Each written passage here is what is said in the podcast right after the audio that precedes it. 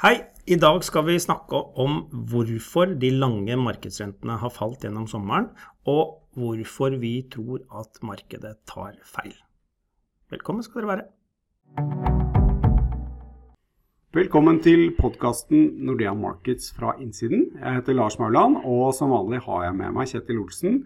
Kjetil, har gått en stund siden forrige podkast. Vi har hatt sommerferie, vi hadde litt covid osv.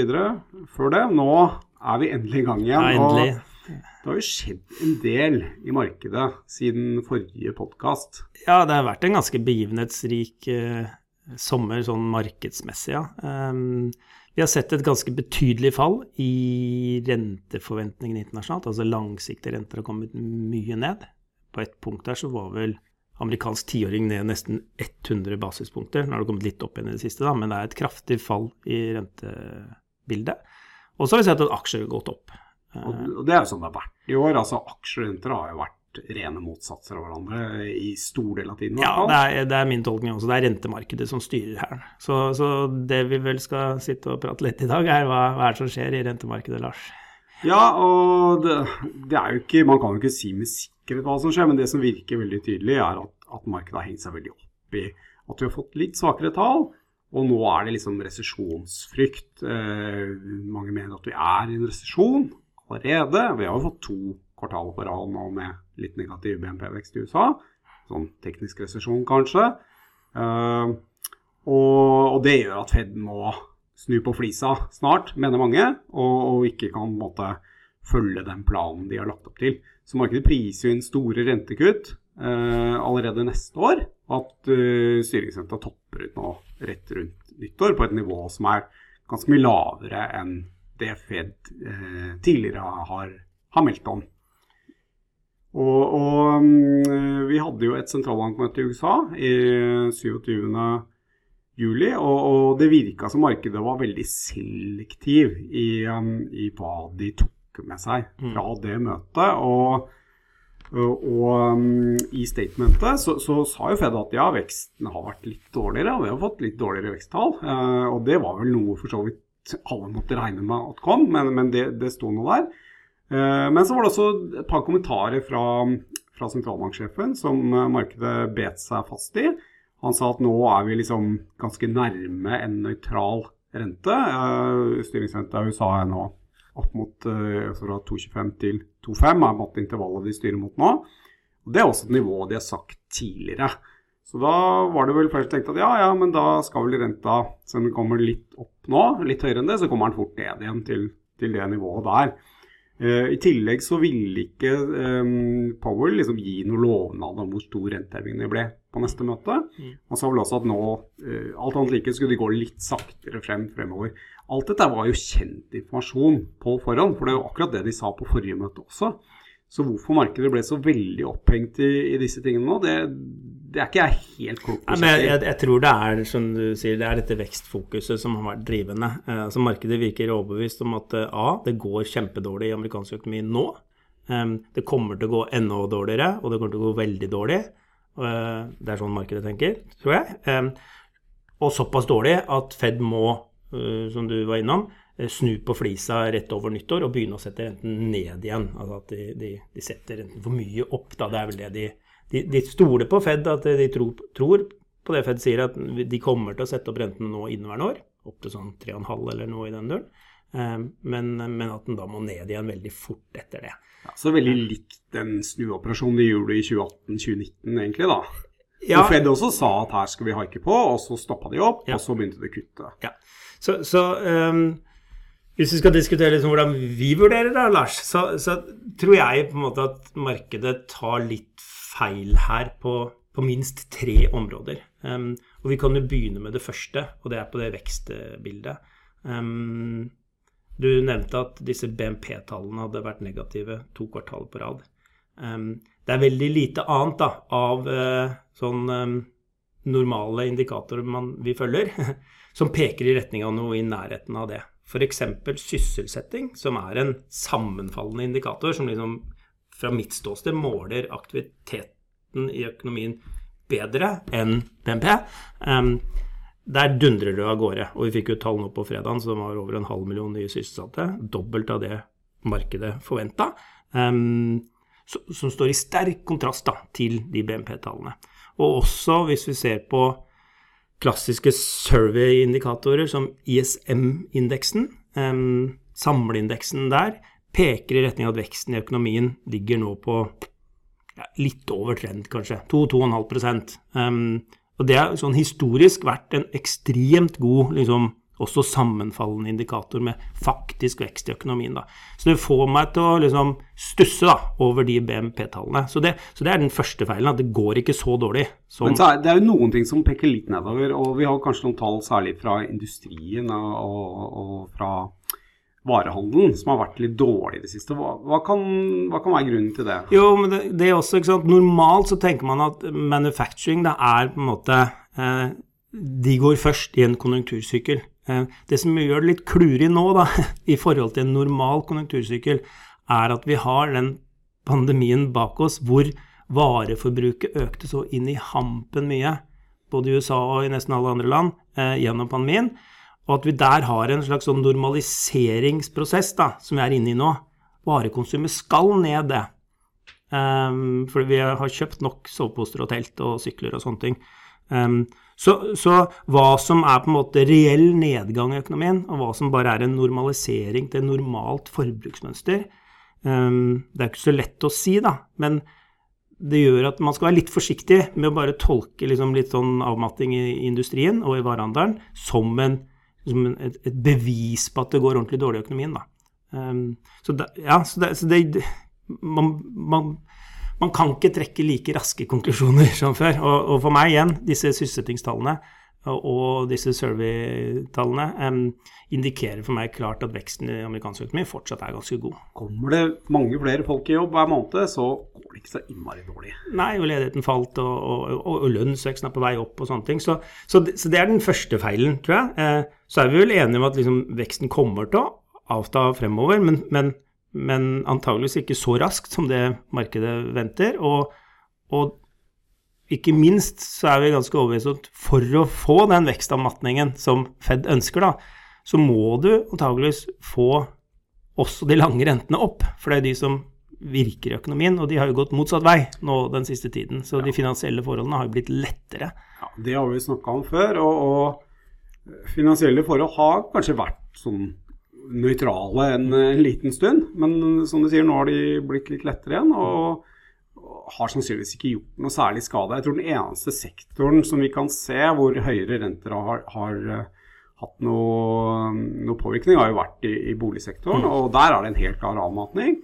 Det settes i gang langt færre boliger nå. Klart Lånerenten på 30 års fastrentelån, som er normalen i USA, har blitt dobbelt så høy, nesten, eller var i hvert fall dobbelt så høy som det den var for et år siden. Og det gjør noe med folks vilje til å flytte og, og kjøpe bolig. Og vi ser at sånn, eiendomsmeglere, altså de som er i frontlinjen der på, på nye boliger, de, um, der er det oppsigelser. Mm, mm. Men tydeligvis da nok eh, andre deler av økonomien som går så godt at disse mm. her blir sugd opp ganske fort i andre ja. sektorer. Um, andre deler av industrien, tror jeg, og, og dagligvarehandel og sånn, der er det ikke høyere renter som har gjort at det går litt eh, saktere. Da er det denne normaliseringen tilbake til et normalt eh, forbruksmønster, og det at prisveksten har vært så høy. For det har jo rana mm. noe kjøpekraft. Vi har jo hatt veldig høye bensinpriser også. De er på vei ned igjen nå. Mm. Så alt annet like vi kan kanskje tenke at uh, forbruket tar seg litt opp igjen nå utover høsten. Mm. Ja, jeg er helt enig. Um, så, sånn sett så er det som lavere bensinpriser og lavere matvarepriser, råvarepriser. Eh, det bidrar til bedre kjøpekraft, alt annet likt. Men det er ikke sikkert det gjør så mye med inflasjonen og inflasjonspresset. Det er liksom ja, for det er det som er det store problemet her. og det, det, det var jo helt fraværende i 2018-2019 og har vært mm. det lenge, lenge, lenge. Mm.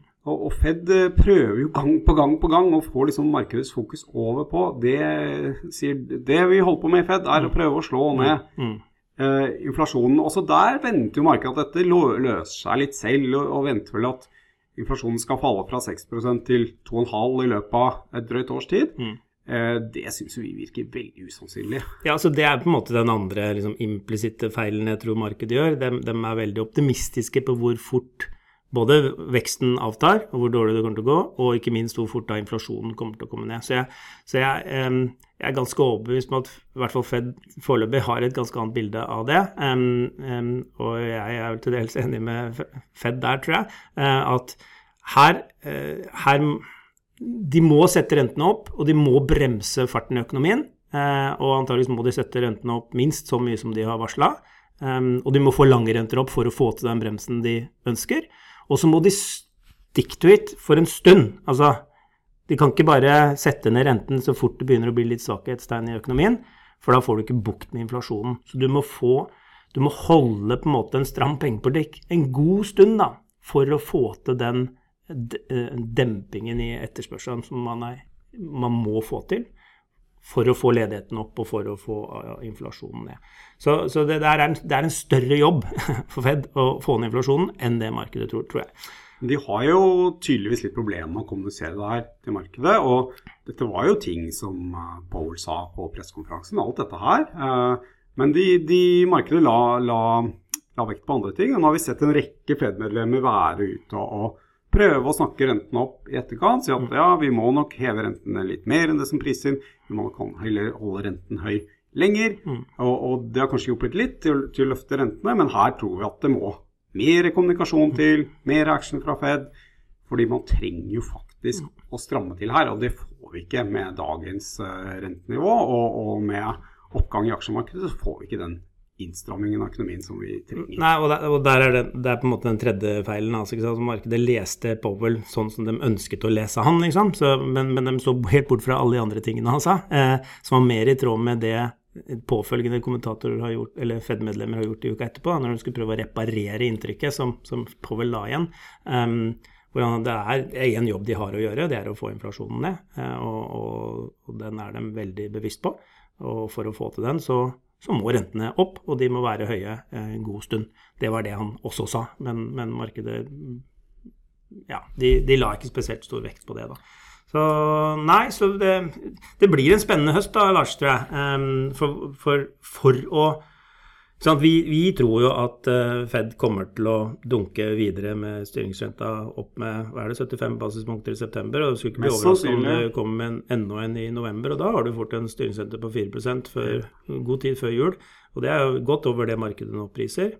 Og så tror vi også at de, de, ikke kommer til å bare snu på flisa med en gang du får litt vekstavmatning pga. høyere renter, um, men at de, de, de de blir der en stund. Og det burde tilsi at lange renter etter hvert også nærmer seg eh, nivået på styringsrenten. Ja, vi tror jo det etter hvert. Spesielt også nå Fed nå skal begynne å selge ut sin beholdning. Og, og sånn sett også bytte dytte lange renter litt opp. Mm. Uh, rentefallet i USA det har jo også dytta ned lange norske renter. Mm. Mens uh, kortenden av norske kurven den holder seg veldig bratt. og, og Uh, Norges Bank overraska jo i hvert fall oss, og sikkert en del andre, med, med et stort, stor renteheving rett før sommeren. Nå er det et nytt møte nå neste uke, i mm. august, såkalt mm. mellommøte. Ikke noe ny um, inflasjonsrapport eller pengepolitisk rapport.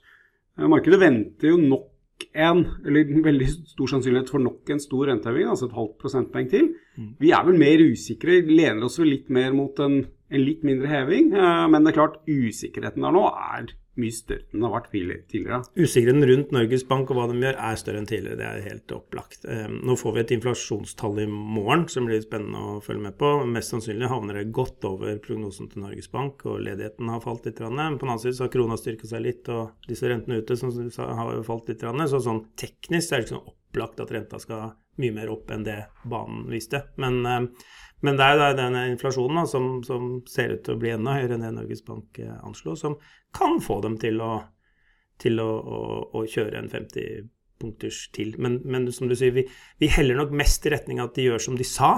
at uh, det blir 25 punkter nå? De hever til 1,5 nå i august. Mm. Og så venter de heller til september med ny rapport og sånne ting, og gjør en ny vurdering og får forklart seg bedre. Uh, og der er vi åpne for at da, da kan det komme eh, en 50-punkters på septembermøtet. Altså. Um, de ligger jo bakpå, eh, og det har de gjort lenge. Eh, og det er jo det som gjør at vi er litt mer usikre enn vanlig på Norges Bank, fordi de, de på en måte gjennom hele fjorårshøsten og våren har Der analysene har vist at renta skal opp raskere og mer enn det de endte opp med å gjøre. De var argumentert for at nei, her må vi gå forsiktig fram. Også, som du sier, Så slapp de den litt nå i juni? Egentlig. Ja, um, og det gjør jo at du man blir litt mer usikker enn en vanlig. Det, vi er helt sikre på at rentene skal videre opp, det er vi. Men akkurat hvor fort de, de, kommer opp, om det kommer litt fortere enn det Norges Bank har signalisert, det kan godt være. Men, men mest sannsynlig så tror vi det blir en 25 punkters nå på, i neste uke. Det blir spennende. Uh, ja, vi får inflasjonstall på Norge på onsdag. Vi får også amerikanske inflasjonstall på, mm. på onsdag. Så mm. det blir en spennende dag. Mm. Eh, og, rentemøte fra Norges Bank eh, til uka. Så må vi vente helt september med neste rentemøte fra Fed. Men det blir nok en rad av Fed-kommentarer. medlemmer som er ute og prater før den tid. Så da får vi litt mer informasjon. Da sier vi takk for oss uh, for i dag. Hyggelig å være tilbake. Du har hørt på podkasten Nordea Markets fra innsiden med Lars Mauland og Kjetil Olsen. Takk for oss. Hei. I dag skal vi snakke om hvorfor de lange markedsrentene har falt gjennom sommeren, og hvorfor vi tror at markedet tar feil. Velkommen skal dere være.